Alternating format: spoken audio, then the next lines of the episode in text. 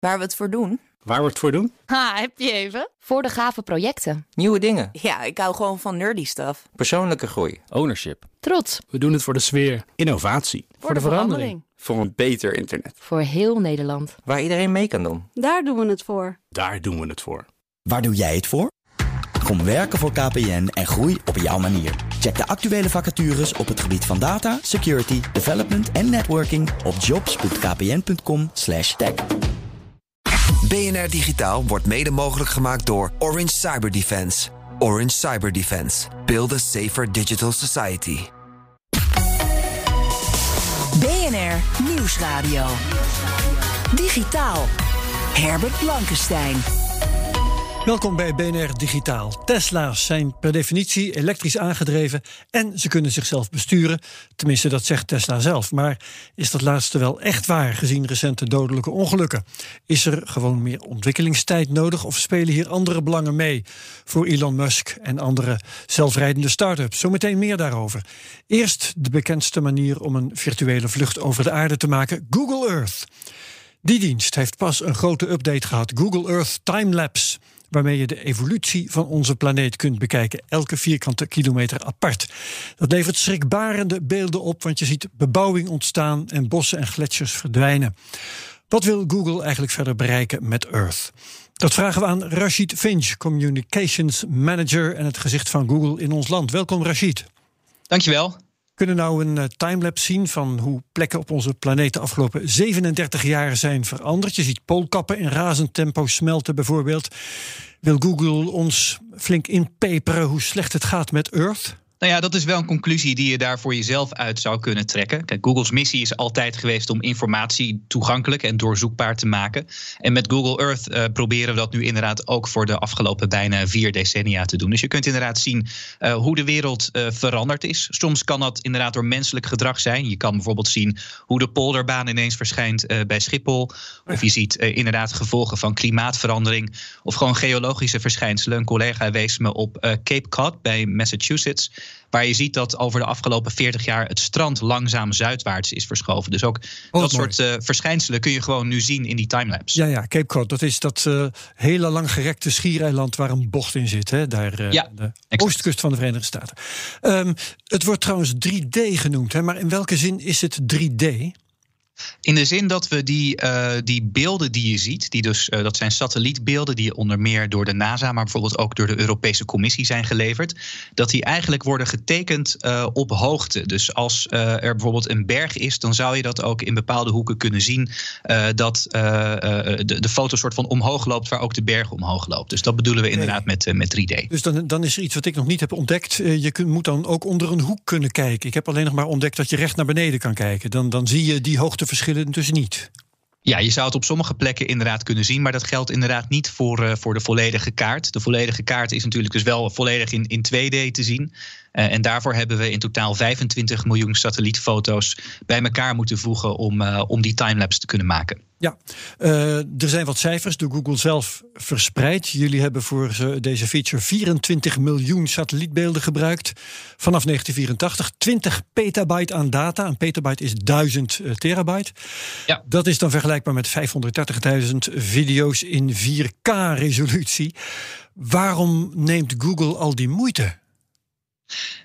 Nou, we vinden Google Earth sowieso was natuurlijk een van, van uh, onze eerdere producten om uh, eigenlijk om je te laten verdwalen. Google Maps is altijd bedoeld om de weg te vinden en Earth eigenlijk voor het tegenovergestelde. Oh ja, lekker uh, inderdaad. Ja, rond. Ja, maar, maar, maar, wij vonden het ook wel heel erg leuk om te laten zien hoe de wereld aan het veranderen is. Dus bijvoorbeeld voor, voor educatieve doeleinden of gewoon voor mensen die, die puur nieuwsgierig zijn.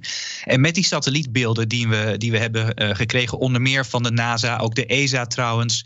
Uh, konden we die eigenlijk op een unieke manier uh, weergeven. Zoals eigenlijk alleen uh, Google dat kan. Omdat er zo ontzettend veel ja, computerkracht ook nodig was om die hele timelapse te kunnen maken. Um, als je dat op één computer zou maken, die gigantische video eigenlijk, die timelapse is. dan zou dat op één computer 228 jaar duren. Ja, ja, ja. in de Google Cloud kostte dat maar een paar dagen om, om dat te maken. Ja, het is in wezen, dus, zoals je dat zegt, het is eigenlijk één grote video. Uh, met een resolutie van, van de hele aardbol, zo'n beetje.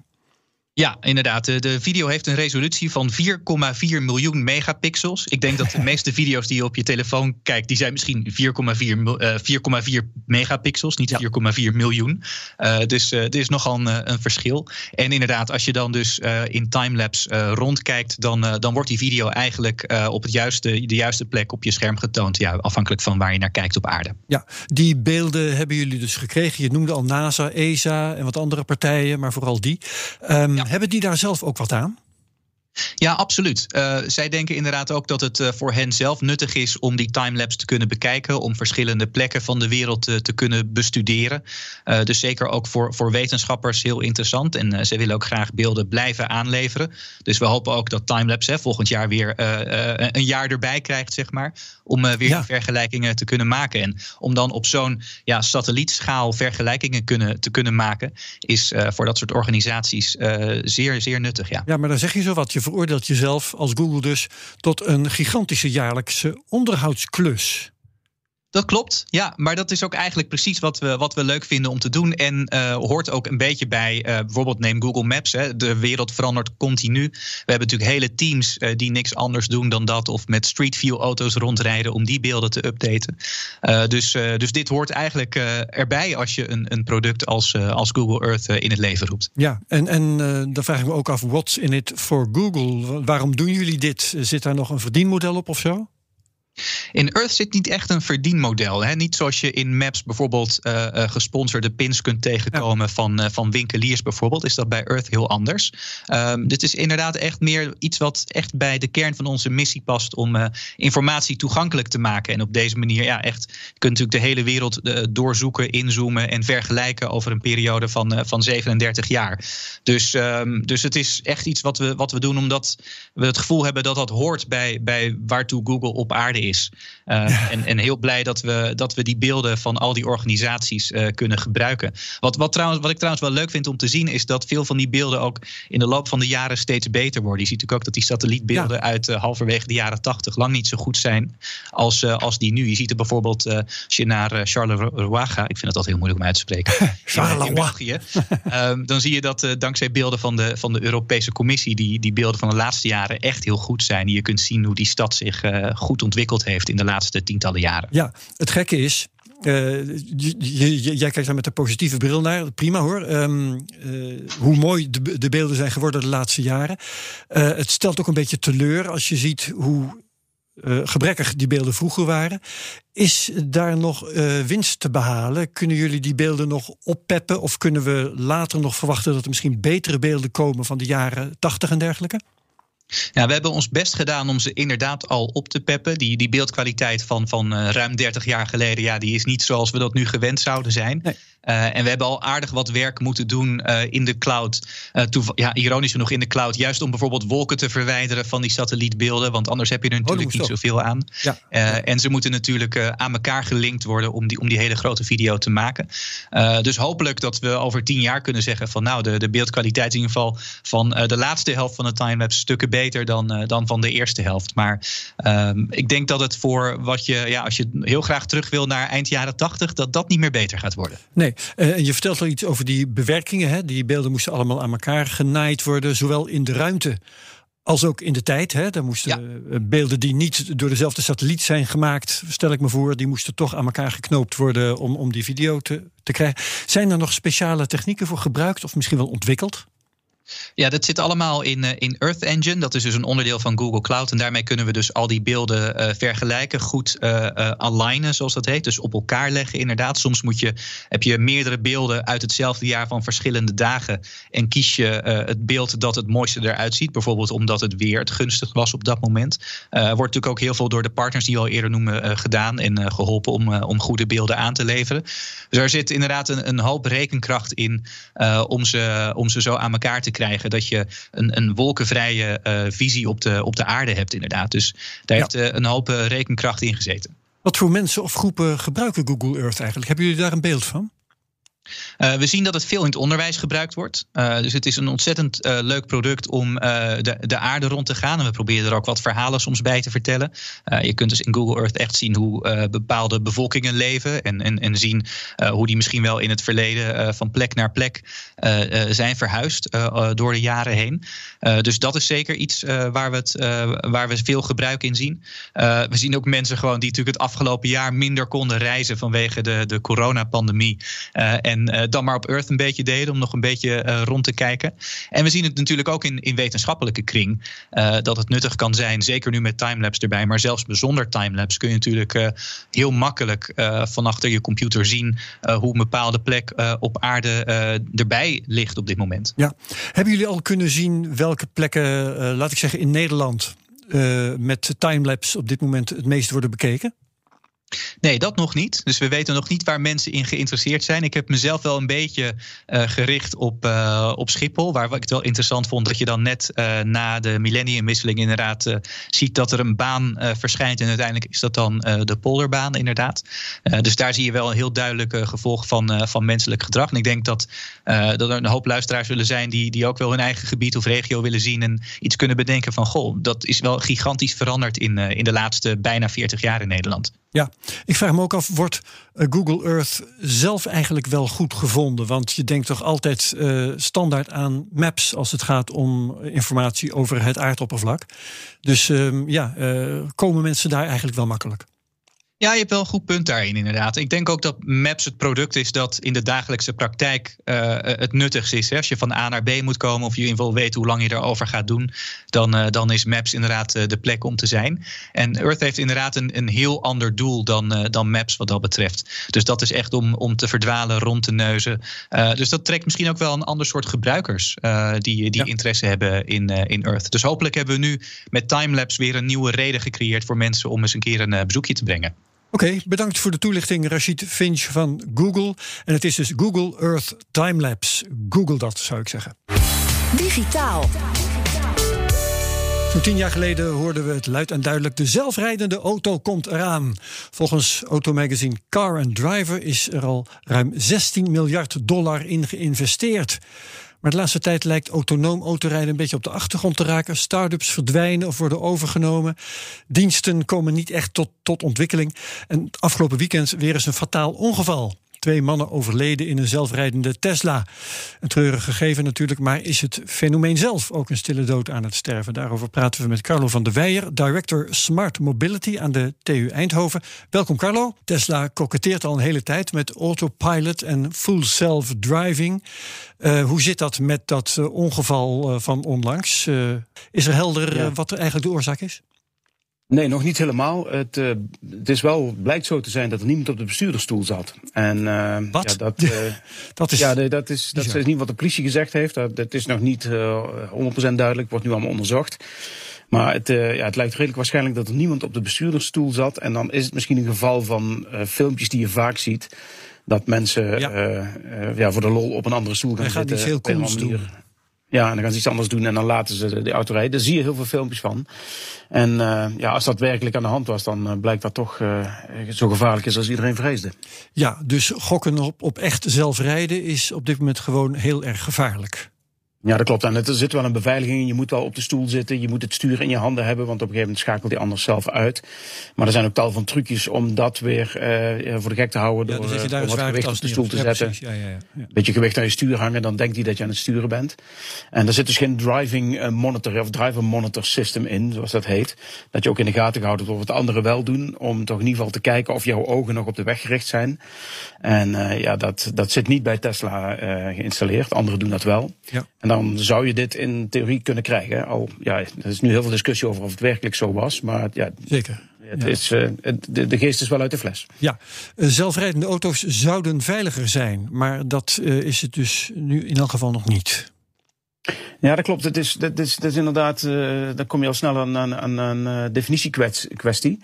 Uh, het, het, feit, het, feit dat een auto met je meedenkt en zorgt dat je voorkomt dat een ongeval is, dat is zeker veiliger. En er zijn steeds meer van dat soort technieken. Sterker nog, ik denk dat de meeste ongevallen die vandaag gebeuren, met dat soort technieken die al op de plank liggen, voorkomen zouden kunnen worden. -hmm. Ehm, dat wordt vaak zelfrijdend genoemd, maar dat is eigenlijk een beetje meedenken en zorgen dat je geen ongeval krijgt. De officiële term daarvoor is ADAS. Het, zijn Advanced Driver Assistance Systems, die gewoon helpen dat, uh, in het voorkomen van ongevallen. Nou, dat wordt vaak zelfrijdend genoemd. En, en ja, als je eenmaal dat soort technologieën hebt, zou die auto inderdaad ook wel stukken van de rit, of steeds meer stukken van de rit, van je over kunnen nemen. En dan wordt het echt een zelfrijdende auto om dat dan full self-driving te noemen, dat, uh, ja, dat geeft een beeld van dat die auto altijd zelf zou kunnen rijden. En dat is nog niet het geval. Nee, dus het gevaar zit in het overschatten van de technologie. Dus dan wordt de vraag: wat kan die technologie nou precies wel en wat niet? Ik heb zelf een keer in een zelfrijdende Tesla mogen uh, ja, zitten. Rijden kun je het dan bijna niet meer noemen. Uh, het was in de file en op de A10, dus het was weinig anders dan een beetje adaptive cruise control, heet dat geloof ik. Dus ja, wat en, kan... en dan heb je de lane, de lane change of de lane uh, stay in lane nog eigenlijk. Hè? Dat hij ook mooi netjes tussen precies, de strepen tussen, blijft. Tussen de strepen blijft. Wat, wat kan een Tesla nou precies wel? En, en, trouwens, wat, wat is met andere merken misschien mogelijk? Wat, wat kan zelf het, het zelfrijdende, de zelfrijdende technologie nou wel en wat kan hij niet? Ja, nou dat, dat wat je net noemt is natuurlijk een fantastische applicatie. Dat is uh, dat je in de file rijdt. En dat, dat, als je dat eenmaal gewend bent, dan wil je ook niet anders meer. Dan wil je de file niet meer zo'n probleem, want dan kun je iets anders doen. Heb je eigenlijk je fileprobleem nou ja, daar begint het eigenlijk al. Is het dan niet al gevaarlijk als je een beetje gaat eh, zitten met je laptop op schoot eh, dingen gaat zitten doen? Nee, over het algemeen wordt gezegd dat dat niet. Maar sterker nog, dat, dat wordt wellicht binnenkort toegestaan.